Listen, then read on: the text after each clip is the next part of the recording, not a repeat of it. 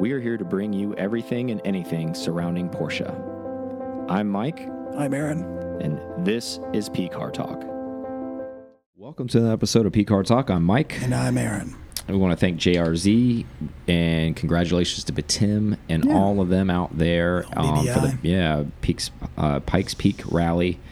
Um, they were running JRZ suspension on their cars. Um, so a little inside baseball. I actually talked talked to Chris on his way back from the Keys, and um, I'm not going to get into too much detail because I don't know how much I can share. Um, but they had some COVID problems um, still, even to this day, because their their techs were international. So like getting them in.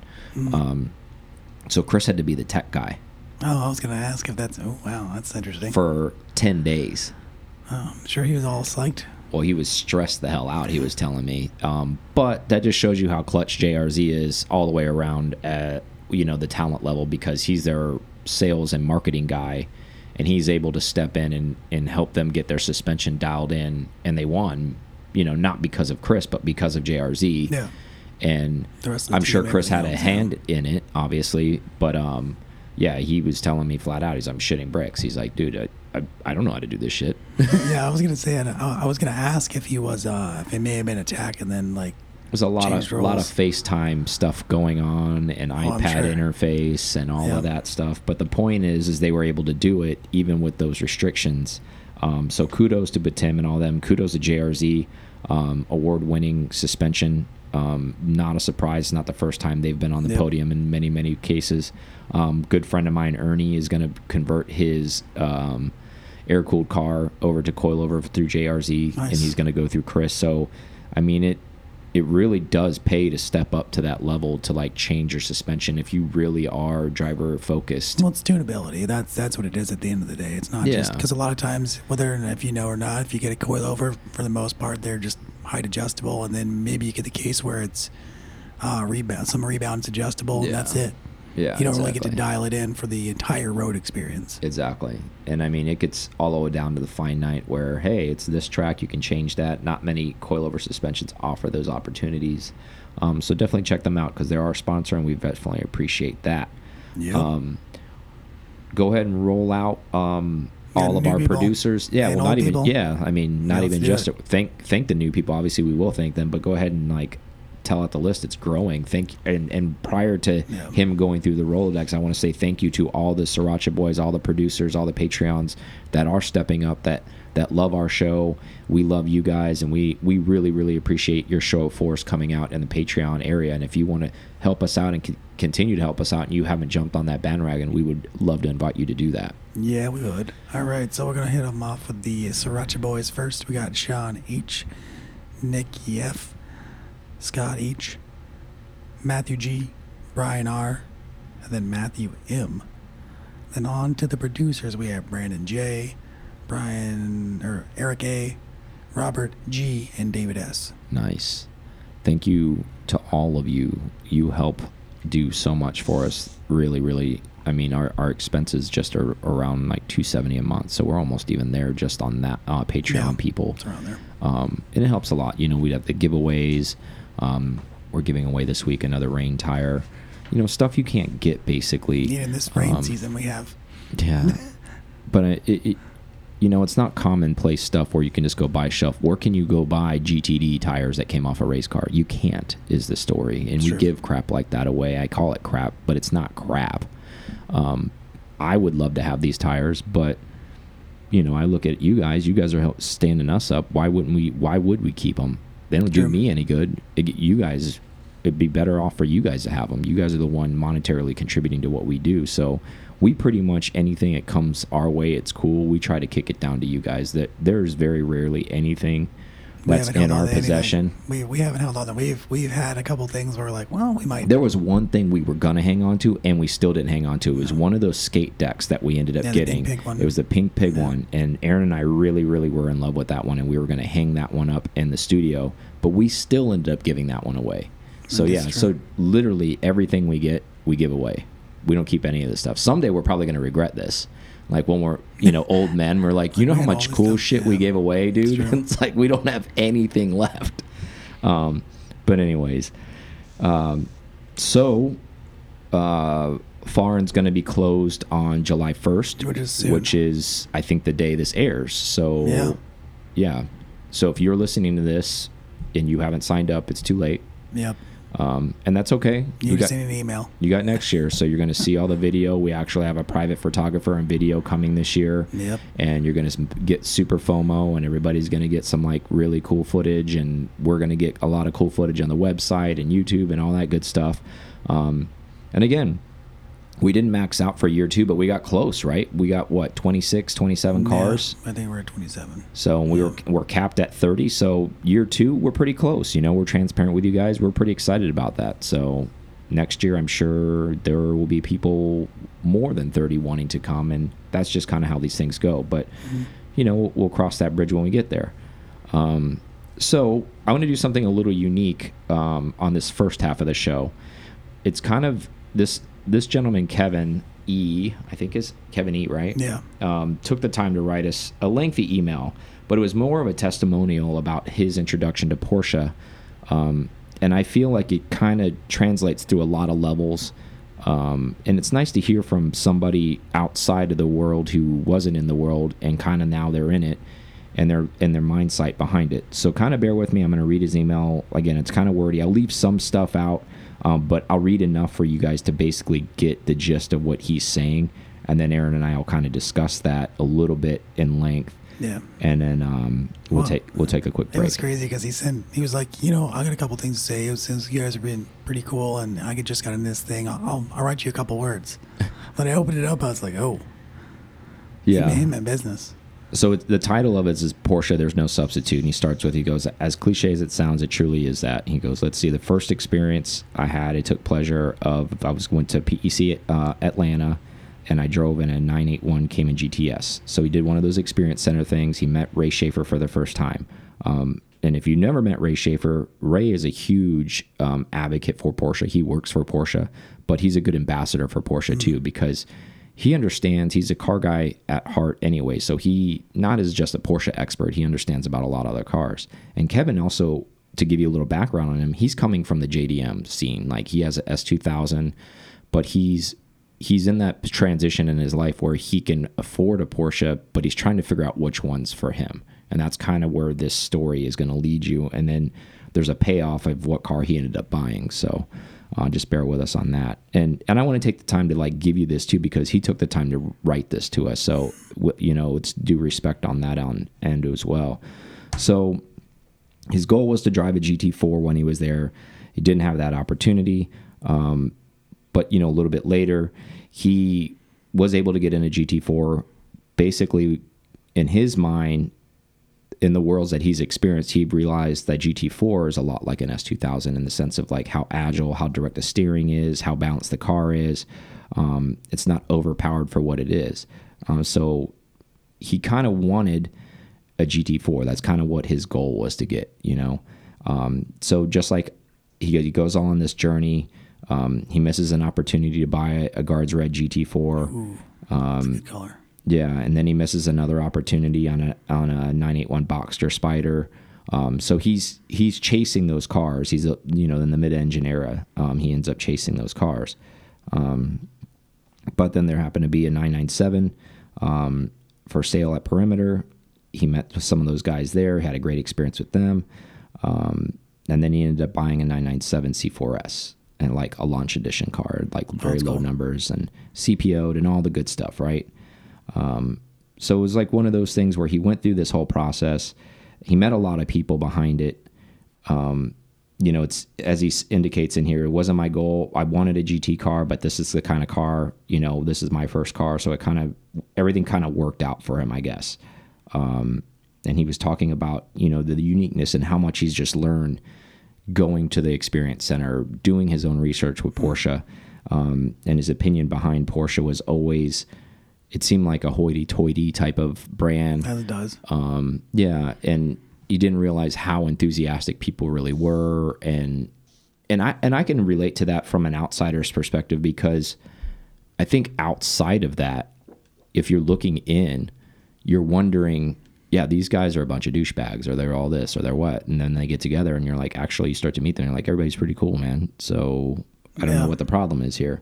It's just you, you think about that rich person or wealthy person having having the car, and that's I guess kind of the mindset you get Yeah, it's just one of those things. you know they're expensive.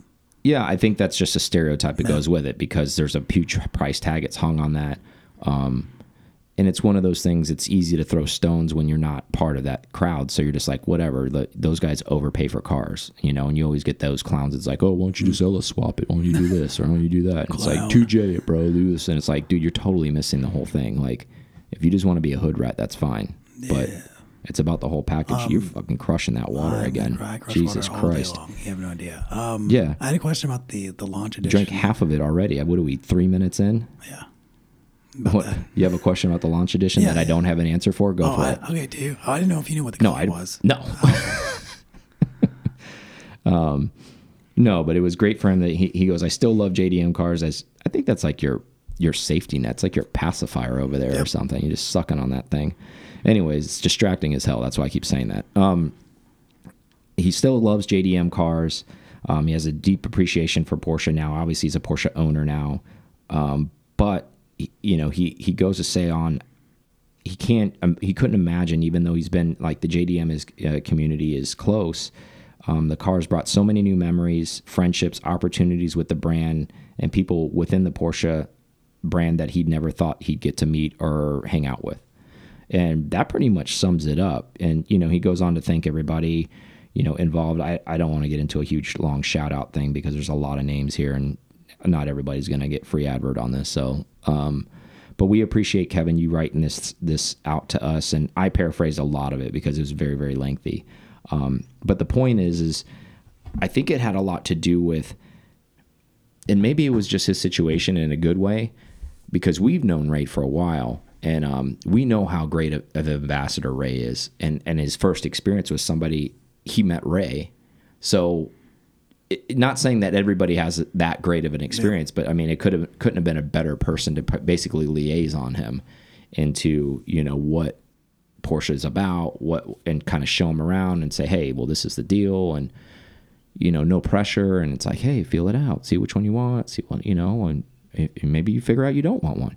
Um, and I think there's a lot of people can relate to that story that own a Porsche or have owned a Porsche, um, or they're on the edge of it. Maybe they can relate to that story after they get in. So, you know, be on the outside of that, I just want people to realize everybody's in transition. There's people that have been Porsche owners for a long time. Mm-hmm. Sometimes people are going to become first owners, second owners, whatever. It doesn't matter how many cars you have. But I think the brand speaks to itself where I don't know too many Porsche people who buy a Porsche and get out. And the reason why I say that is because I don't meet those people because those people that are base, base I call them vacationers, vacationing in like a GT car or mm-hmm. GT3 or GT3 RS because that's the new hot boy thing and they're 22 years old and whatever they're doing, you know, they got some money, they want to do that. And then they're transient because they they're not even participating. They just have the car as part of their flex. They're actually still not participating in the community. I'm referring to people that are actually participating in the community, going to rallies, going to meetups, hanging out, um, infusing themselves in the community. Those people are lifelong Porsche people for one for one way or another. You know, wherever they're at in their life, you know, maybe even financially, if they have to get out of it for a while, they're still a Porsche person. Just because you don't own one, you can still be a Porsche person. So, yeah, prime example right now, you don't own a Porsche, right? It's true. It's a fact. But but you're hosting a podcast about Porsche, so how's that work? It's okay. No, I'm just kidding. I'm giving you a hard time. Oh, I mean that's that's kind of same same story. Like I went to the Porsche like before I had well, I had a 944, but that doesn't count. Um, I was I was saying I went to the Porsche Museum and stuff, and that just It counts. I any- mean, anything like I mean, that. I wouldn't. I, I wouldn't discredit it. So I think that's a pretty Yeah, I'm just saying, Loose- like, loose way to once, say that. Once you It's start still a Porsche. um, down that path or start learning that history, then you're like, okay, well, there, this brand is so deep, and, and, and anybody that's into it Mm-hmm. or owns the cars, you start to understand that, and that you could. I think that it's that it's well, obviously it's cliche now. Well, I definitely have. There's definitely a passion for for most people that are Yeah. that are into it, and it's not a very big group no. of people if you think about it. I mean, worldwide. So Yeah, and they and they travel strong. What I mean by that is like if there's an event anywhere, almost kind of like if you can imagine like a college football team, whatever, they always show up strong, no matter where they're like at. that. Like they're selling out, It doesn't matter where they're at. So, you know, kudos to them and the brand. Thanks for sharing that, Kevin. We really appreciate that. Um, he's also, you know, a PCAR Club member, and we appreciate his membership and his testimony and taking the time to write that for us. Um, if you want to write us something, we're always available. So shoot us an email like Yeah. he did. You want to share a story? We don't mind sharing your story. You know, we would love we would love to hear your story. We can't meet everybody in person. We know everybody's busy, so you know we have a lot of digital opportunities for you to reach out to us, and so please do that. Um, so let's discuss.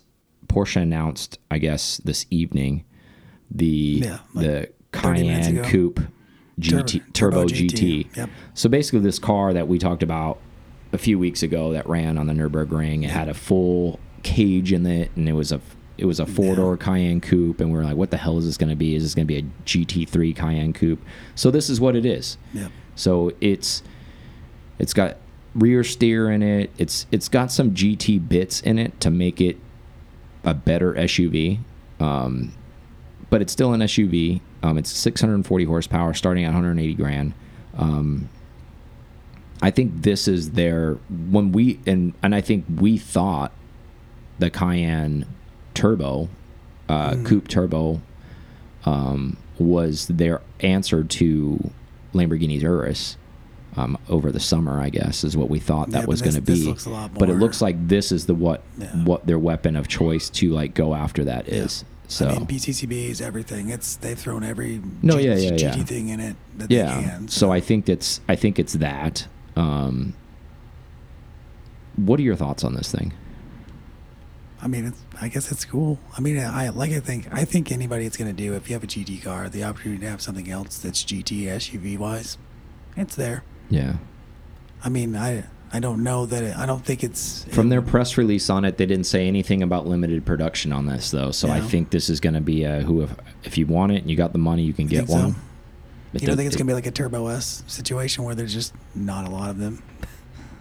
maybe that might be the case but they're not limited Okay. I guess i don't know um we'll So- see how the demand is on it Yeah, that's true. because it doesn't, I mean, Porsche's first to tell you that it's limited. If it's limited, it doesn't say anywhere it's limited in their press release. I'm sure in their mind, if they can sell ten thousand of these, they're going to go for it. I mean, at 180 intro price, that's prior to specs.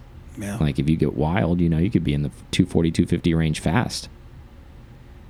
I mean, if you compare it to the the Urus, I guess it's a lot cheaper.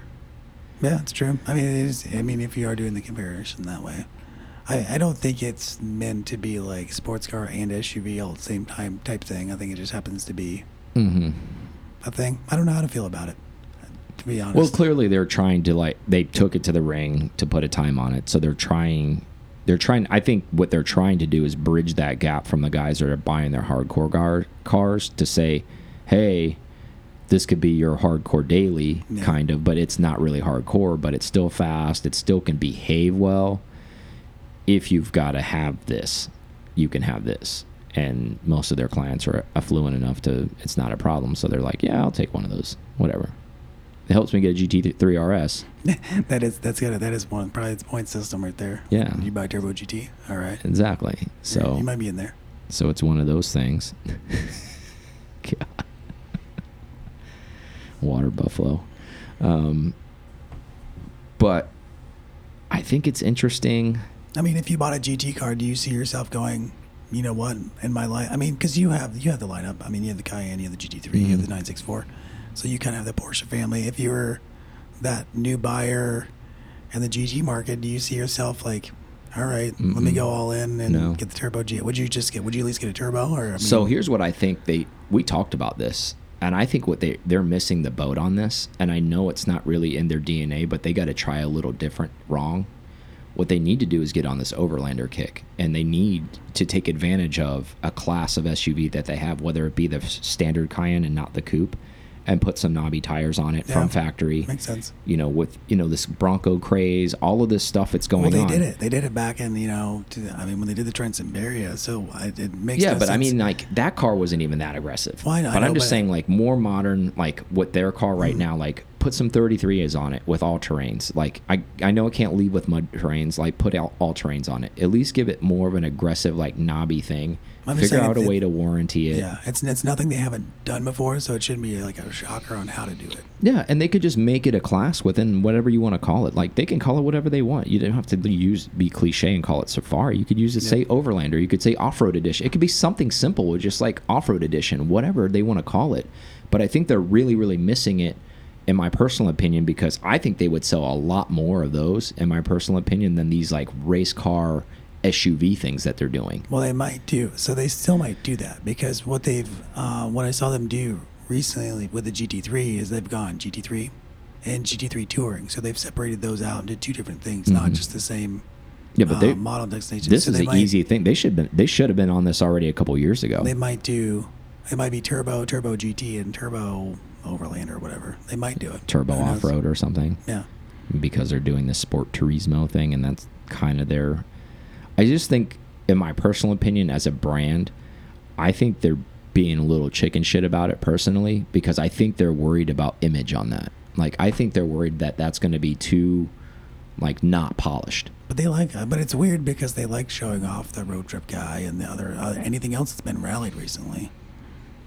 I don't know if that's but i think that's like a different yeah, that's like a different department i think it's more of kind of like when the thing leaves i just think that they just think i don't know I mean, it wouldn't be that complicated. You just put a roof rack on it. You put a LED bar on the top. You put some knobbies on it. You make. You could even tie it into the suspension that's set up on it now. Just make it articulate a little bit I think they're worried differently. about selling them. Make fifty. Just make it limited. It'll go. Oh shit! Them if they they did if they did three thousand, they'd sell out. But I'm just saying that That'd they don't. cool. But what I'm saying they don't even need to. What I'm getting at is they don't need to put all that horsepower behind it. You don't Okay. need a 600 horsepower Overlander fucking thing. Like 350 horsepower is plenty for one of those things. So they, like could, they, could do like they did Yeah. GTS and then just add that. It Yeah. doesn't have to be super aggressive. Just a little bit. Yeah, they could there. do like a V6 twin turbo in that, so it's semi-efficient. Yeah. They don't need to put some big gas hawking thing in there where the thing gets 13 miles a gallon like my stupid thing does. Yeah. Like- add, add turbos. You know, they already shit canned the diesel, so they're not doing that. Yeah. Um, you know, make this, cool. you know, do this like V6 twin turbo hybrid thing or something, and make it an off-road thing, and maybe maybe it can get 30 miles a gallon even with those knobby tires and being lifted. Like that's a home run to me. And if you can make that come in at a price point of like eighty thousand dollars, that's probably going to fly off the fucking shelf. Or go full EV with it. Just make that your first full EV. Make it something Yeah. crazy. whatever. I'm just saying. I just feel like they're really missing the boat. I know they're a performance company, but I think they're also a manufacturer and they're also selling in trends. I think they're really missing out. Like as so many other brands are making money doing that, and there's so much aftermarket support with that as well. Like a lot of people like doing that stuff. Now, and we've talked about it offline in the Porsche world. Like all of the bros or the people in the know are buying Cayennes and older ones and doing it themselves. Yep. Well, people who don't want to screw with that stuff, can you imagine if they built a new one already and like packaged it all up and made it great and they just yeah, and they sold it that way from the factory? Yeah. Okay. And who knows? Maybe those people that are buying all those aftermarket parts, if they start to make another area of now you're buying Porsche OEM off road stuff for your early Cayenne.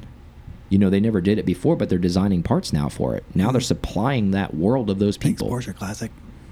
I just I just think it's a total miss right now. Um, and they're focused on making race car SUVs. Like, what the fuck is that? Yeah. Turbo GT. I mean, it's neat, but I mean, like, come on, like, fucking what? Yeah. I don't know. I just think it's just. I think it's a. They feel like they have to compete with Lamborghini, and I don't think they have to. Like it, they're. Yeah, that's true. It is. I mean, it is an answer to a, a problem nobody's asked. Yeah. no one cares.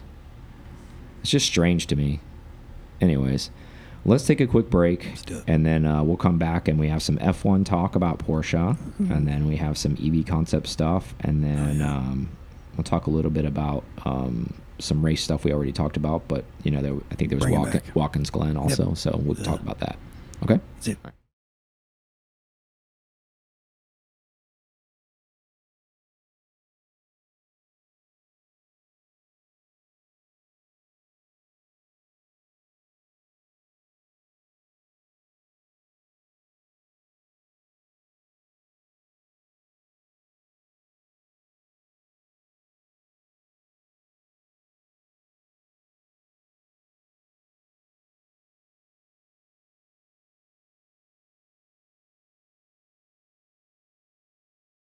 I am now. All right, we're back from break. So Porsche's having a meeting this weekend actually to discuss the 2025 F1 season. You get the invite. No, I Calendar. must got lost in the mail. Um, but here we go again. This is not the first time Porsche has made engines or scheduled to make engines for F1 and then not have them come to the table because of regulation changes in between time of the agreement and all that kind of stuff. So they're talking about 2025 season they may making because they're doing a change, they might make engines for them then. Is this a here we go again thing or Well, it's weird, and I think it's weird because they're supporting the, their Formula E team, and that's kind of the direction of the company wants to go is EV. Mhm. So, does it make sense for them to spend money in F1 and show off in a different area? I mean, in Well, they're in being paid for the engines, I guess so- yeah. I I don't think it's strange what I because they have the e fuel that they're doing the research on and Well, they're mean, going to do that using stuff or whatever. F1, that- then that's I mean that's definitely adver- advertisement. yeah, But and it still makes sense because there's technology to be used in F1 for that because they still have that regenerative battery that they use. Um, so they'd be making the whole system. It wouldn't just be Okay. just the engine. Oh, it, would okay. it's it would be the whole thing together with the engine changes and all that. So so it's hybrid learning. Yeah. So, you know, you and I are on the same page with that. I think that's more of like a sustainable, realistic way of going upon things is having the, you know, maybe a, a better efficient hybrid or something like that or something. I don't know. you can something see the words. Porsche on a lot of F1 cars instead of Honda and everything else. Yeah, it kind of be cool, right? Um, but again, I I think it's a it's a here we they've been in and out of it forever, right? So you don't so the Carrera gonna- GT was going to be an F1 Yeah. engine, like this car was going to be an F1 engine, and then they put in this. Who knows? Maybe this hmm. is just an exercise for them, for for them to basically get sponsorship or these people pay hmm. for the R and D behind yeah, it, maybe. and then it changes, and then they have all they didn't have to pay for all any of the R and D on the engine, and now they have the technology that they want, and they didn't even have to enter it. So it could be that move too. Who knows? Okay, so you're not saying they're going to make just an F1 car. They're they're making engines for it. That's, that's yeah, they're, yeah, they're not going to have a car. They they never, you know, they don't really Okay, do that. They usually supply the drivetrain or the engines or stuff like that. So that's what they're having a meeting on um, to be an engine supplier. You know, among the other ones that are out there, Honda, Mercedes, all those other ones. Um, so they think they're going to be a competitor with that. Um, I don't know. We'll see what happens. I think another really cool thing about racing, um, since we're on that topic, Porsche announces it will have the 2021 LMDH car ready to test at the end of this year. So that's rapid. Yeah. I mean, They said yeah. ready to test, though. They didn't say it's going to be the final product. They're just going to be testing at the end of this year um, on that car, which is actually not too far out because the 2023 season, you think about how it's falling. We're really, if, if you're starting the 2023 season, that starts in Daytona in January. So you think about where we're at in the year right now. We're we're in July, so essentially we have what five more months, and then we're in 2022. Yep.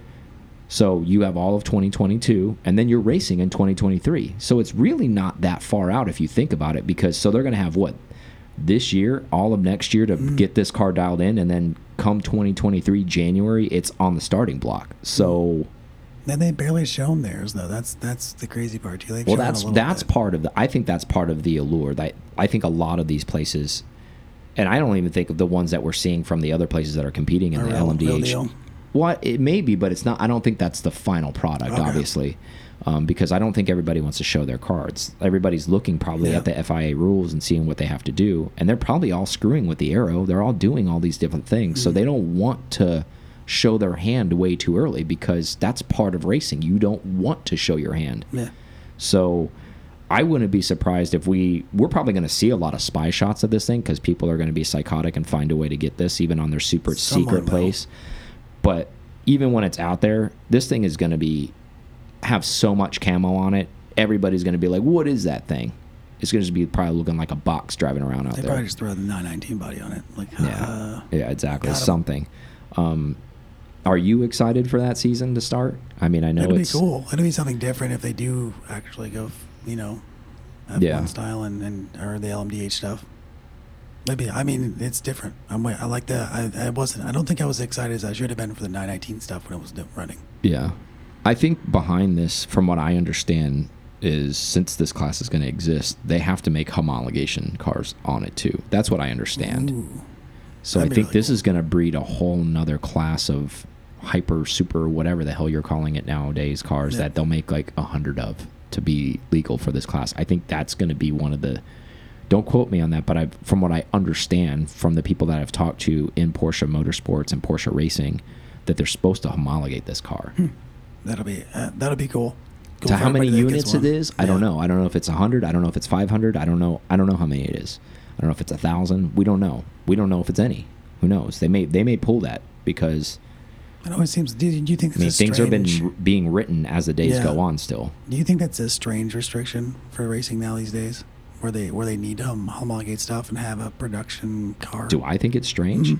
No, I think you should have to do it because I don't think anything you're out there racing should have some type of deli- derivative so we can see it on the road because I'm spoiled like that. I'm not always on the racetrack. I want to see those cars. I don't want them to be like, oh, what is this? This full prototype. We don't have to do this, all that kind of stuff. Um, I think they should have to make a, a homologated version of the car. I mean, that's what they had to do back in the day when they raced the 917s. They, they had to make hom homologation cars. That, that Mhm. was part of the rules. You had to make a road going, you had to make so many of them. You know, that was the whole story of them putting truck parts in 917s and stuff just Well, to get I- them I done. saying, is it is it has it been long enough where they don't have to abide by that rule anymore, or should they just do it? Well, so, it depends. There's certain aspects of racing, still modern day racing, that it just depends on the class. Certain classes call for it. Um, I hope this class does call for it. I think it. I think it's a part of racing that should stick around. To be honest with you, I think that should force the manufacturer because it forces them to make a cool thing. And I don't want to knock on brands, and that's not what we're here to do. But that, you know, there's other brands that aren't that are in racing that we don't covet as much. And same thing with them. They should have to make those cars for them because that actually would stand their brand up a little bit more too. Instead of being like, oh, I, you guys sell nothing but, you know, SUVs and sedans, but you race in this series and you have a badass car, but you're not required to make this car for anybody to buy. yeah, I get what you're saying. You know, I think it. I think it should be that way. That way, we can have, as an enthusiast, I guarantee there's somebody with enough wealth that if they only have to make a 500, they will sell all 500 of those cars. They're gonna have a problem. Yeah, it's true. Somebody will buy it, or somebody wants to buy it, or somebody wants something. Exactly. Like. He'll sell his Yeah. entire trailer park if he has to get one of those things. It doesn't matter. Yep. That special Corvette, whatever. It's he's getting it. You know, it's happening. I'm getting that. Yep. Mine. I'm getting that. Um, next thing on the docket. Yep. 928s. Yeah, so there's a 928. So there's talk. There's always talk, but this is actually a little bit more sound talk. So they're thinking about bringing the 928 back, but Okay. full EV. So I saw the concept Yeah. renderings of this because it's full EV. It allows them to actually keep a lot of similar body lines to the retro, uh, you know, the original. So Okay. this was a modern take version of it. Um, if you guys just you know Google it on, on the internet, uh, 928 EV concept, you'll see it right away. It looks super sharp. And my th my theory behind this whole thing is okay. The car is was meant to be a a GT Cruiser back even when it was originally around. Okay. If it's an EV concept, it'll be that same thing. It'll be big, it'll be cushy, but it'll have power, and it, it'll be a cruiser. It can do those things. So I think bringing it back now in an EV world and making it full EV makes sense to me. Yeah. I can see that. I mean, Instead of uh, like making it a gas car, you know, and putting a V8 in it, like that makes no sense to me. It, this would make make sense. This will be a good way to relaunch that that car. Yeah, and the Taycan I think is actually close enough to that body line. Those body lines were. Yeah, because this is a kinda- big two door coupe. Yeah. I wouldn't be surprised if we actually saw this actually come out to fruition because it looks really good.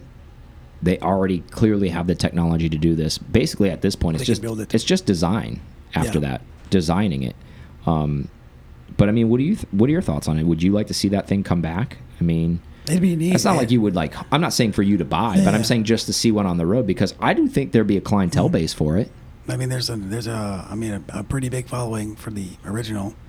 I don't know if they'd be buyers again or or not. No, Um, I think this would be actually be a good thing. I think there'd be a whole new group of buyers on it because an, it'd be a full EV car. yeah. I think it'd be one of those things where we will start seeing it soon, but we'll start seeing these badass EV two door sedans.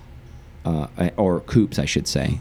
Um, and I think this makes sense to fit in that Mm, class. Porsche could make this because Yeah. they already have lineage there. It's not like they. Ha what I'm getting at is they don't have to conjure up a new name. Yeah, weight doesn't can matter use at this, this. point. Exactly, they can the use this. suspension's gonna be great. I mean, Yeah. man, that, that, and if they, I mean, like you were saying, GT wise, that I mean, it doesn't need a, a big giant V8 in the middle. Yeah.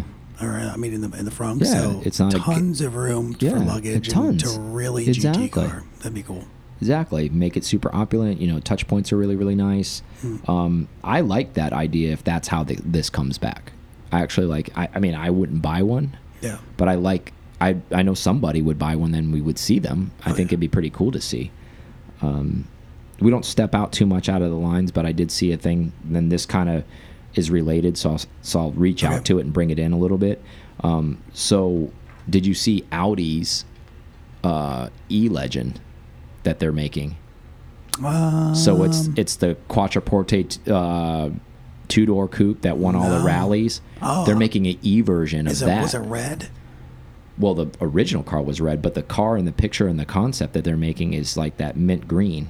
And Ooh, no, but it's I haven't seen but it's full EV. It's like that. It's huge. It's it's all retro. It's blocky looking, but it's full EV. They're using the same. I was like, so if they bring that back, we may see a whole line of manufacturers bring back all of these legendary cars in an EV style platform, That'd be really which kind of be kind of cool because with those design cues, you can actually mimic them very, Yeah. very close because you don't have to work like the crash rating is so different, like where you place the battery, all this stuff. So you can almost have Yeah. the car look just like it used to, but just more modernized. The retro, the retro. I mean, because it started back when in 05 when you saw the Mustangs, kind of Yeah, retro throwback, Yeah, and then com- now and then they were doing that with the Camaros and all that kind of stuff. Do so Porsche. I mean, look that up too. I mean, I'm sure if you're a motorsports fan, you already know what I'm talking about. But man, that car looks sexy. If they actually make that car too, that's pretty. It's going to be pretty rad. Do you think there's room for a 356 EV? Like bring it back, or I think that's too old. I think that's too You too You old. don't think they would do that? I think that design cue's way like too old. They could they couldn't mimic that properly because I think the Boxster has been around too long. Mm. I think that would be design confusing, and I think they already said they're going EV with the Boxster. Mm.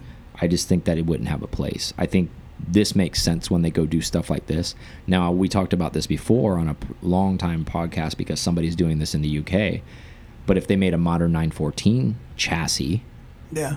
and did a full EV on it, that could be pretty rad. Targa top comes off, batteries in it, low center of gravity, you know, a lighter car but has some punch, you know, and it's not a, it wouldn't be a long distance cruiser. It'd be more kind of a a city car, but I think it would be rad. Yeah, I could see it working and like actually have motorized glass and Yeah. top and like all the luxuries you know Exactly. you normally used to. Yeah, you could do a Yeah. pano top now on it.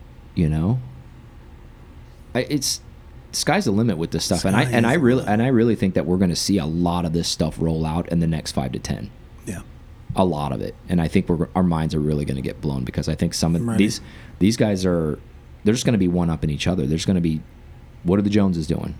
Okay, we got to beat them. Oh, Audi's doing this. Lambo. Oh, Porsche's doing that. Screw that. We're going to do this. Oh, yeah, so they're just going to be Oh, fighting with each other and keep coming out with like rad stuff. The nice thing is, is Porsche has a pretty deep bag to gra grab into to bring back cars if they want to do that and use them as a name. Um, I mean, we're see we're seeing Ford's doing it. They, you know, it's not Yeah. it's not the way everybody wanted them to see it, but they brought No. the Mach One back in the uh, EV form. yeah, So, I mean, it's happening. It. Yeah. So, quick race info. You were able to watch the race. I didn't see it, but Watkins Glen, what happened there? Um, Cooper touched a wall, and after that, I don't know what he cut into, but it was caught on fire. Yeah. That was pretty much it. I, I don't know what happened. Did they finish? Or are they DNR'd? No, the DNF. Yeah, Yeah, DNF. Like quick. Yeah. Um, I said do not res resuscitate. I was a DNR. I'm like well, thinking about like not saving people's never lives. Never driving again. um, and I don't know what happened to the other car. I know, I know, Jan was doing well, and I thought it was in first for a while. And I, I don't. They just kind of started lagging behind, but I don't, I don't remember what exactly happened with it. hmm So, but yeah, seeing Cooper and like Cooper couldn't tell his car was on fire because that I don't know if, if you know or not, the back glass is all. Oh, yeah, yeah. You can't see through it. Yeah. So, I don't know when he realized it, but he started heading the pits. Yeah. And so, uh, and I guess the radio. Well, Spotter maybe- probably told him. I hope so, because it was like bad. Like first, it was like smoke, and Yeah. then it was like like three alarm fire. Yeah. You need to get out of the car. Yeah. Like, you got to be feeling that heat. Yeah. So. Yeah, Well, good thing everybody's okay there. Yeah. And then back to Pikes Peak, you know, congratulations to all the winners there. Uh, Cam took second in his class, I think. Tanner Yeah, Faust, well. I think Tanner won that class. And then um, Betim's team, they took first. Uh, congratulations to Lisa and then Batim and BBI and all Yeah, those folks. Flying Lucy. Exactly. Um, hoping to make it out there. One of these days. Chris said it was pretty treacherous though, as, as far as even watching it as a fan, even though he was kind of working there. Yeah. He's like, man, it's like two, three a.m. mornings where you're, if you actually want to get out there and like watch stuff. And I'm like, man, I don't know if I'm, I want to Nope. really go, but that sounds like a beatdown just to go watch some racing. Um, but I think it's a bucket list thing. I think it's one of those things for me. I'll go even if it's that, even if it is that way, just so I can say I went, you know, and I got to see it. And I'd like to see it before Jeff stops racing. Um, I like to see, his, you know, his work go up the mountain. So it needs to probably happen soon. Um, Next year, hundredth. Yeah. Actually, next year would be a great time to go. The hundredth anniversary. Probably they're probably going to do something special.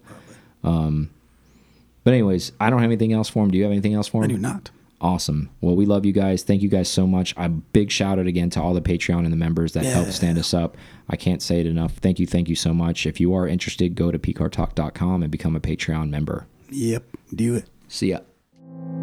Thank you so much for listening to this episode of PCAR Talk. Connect with us on Instagram at PCAR Talk or online at PCARTalk.com.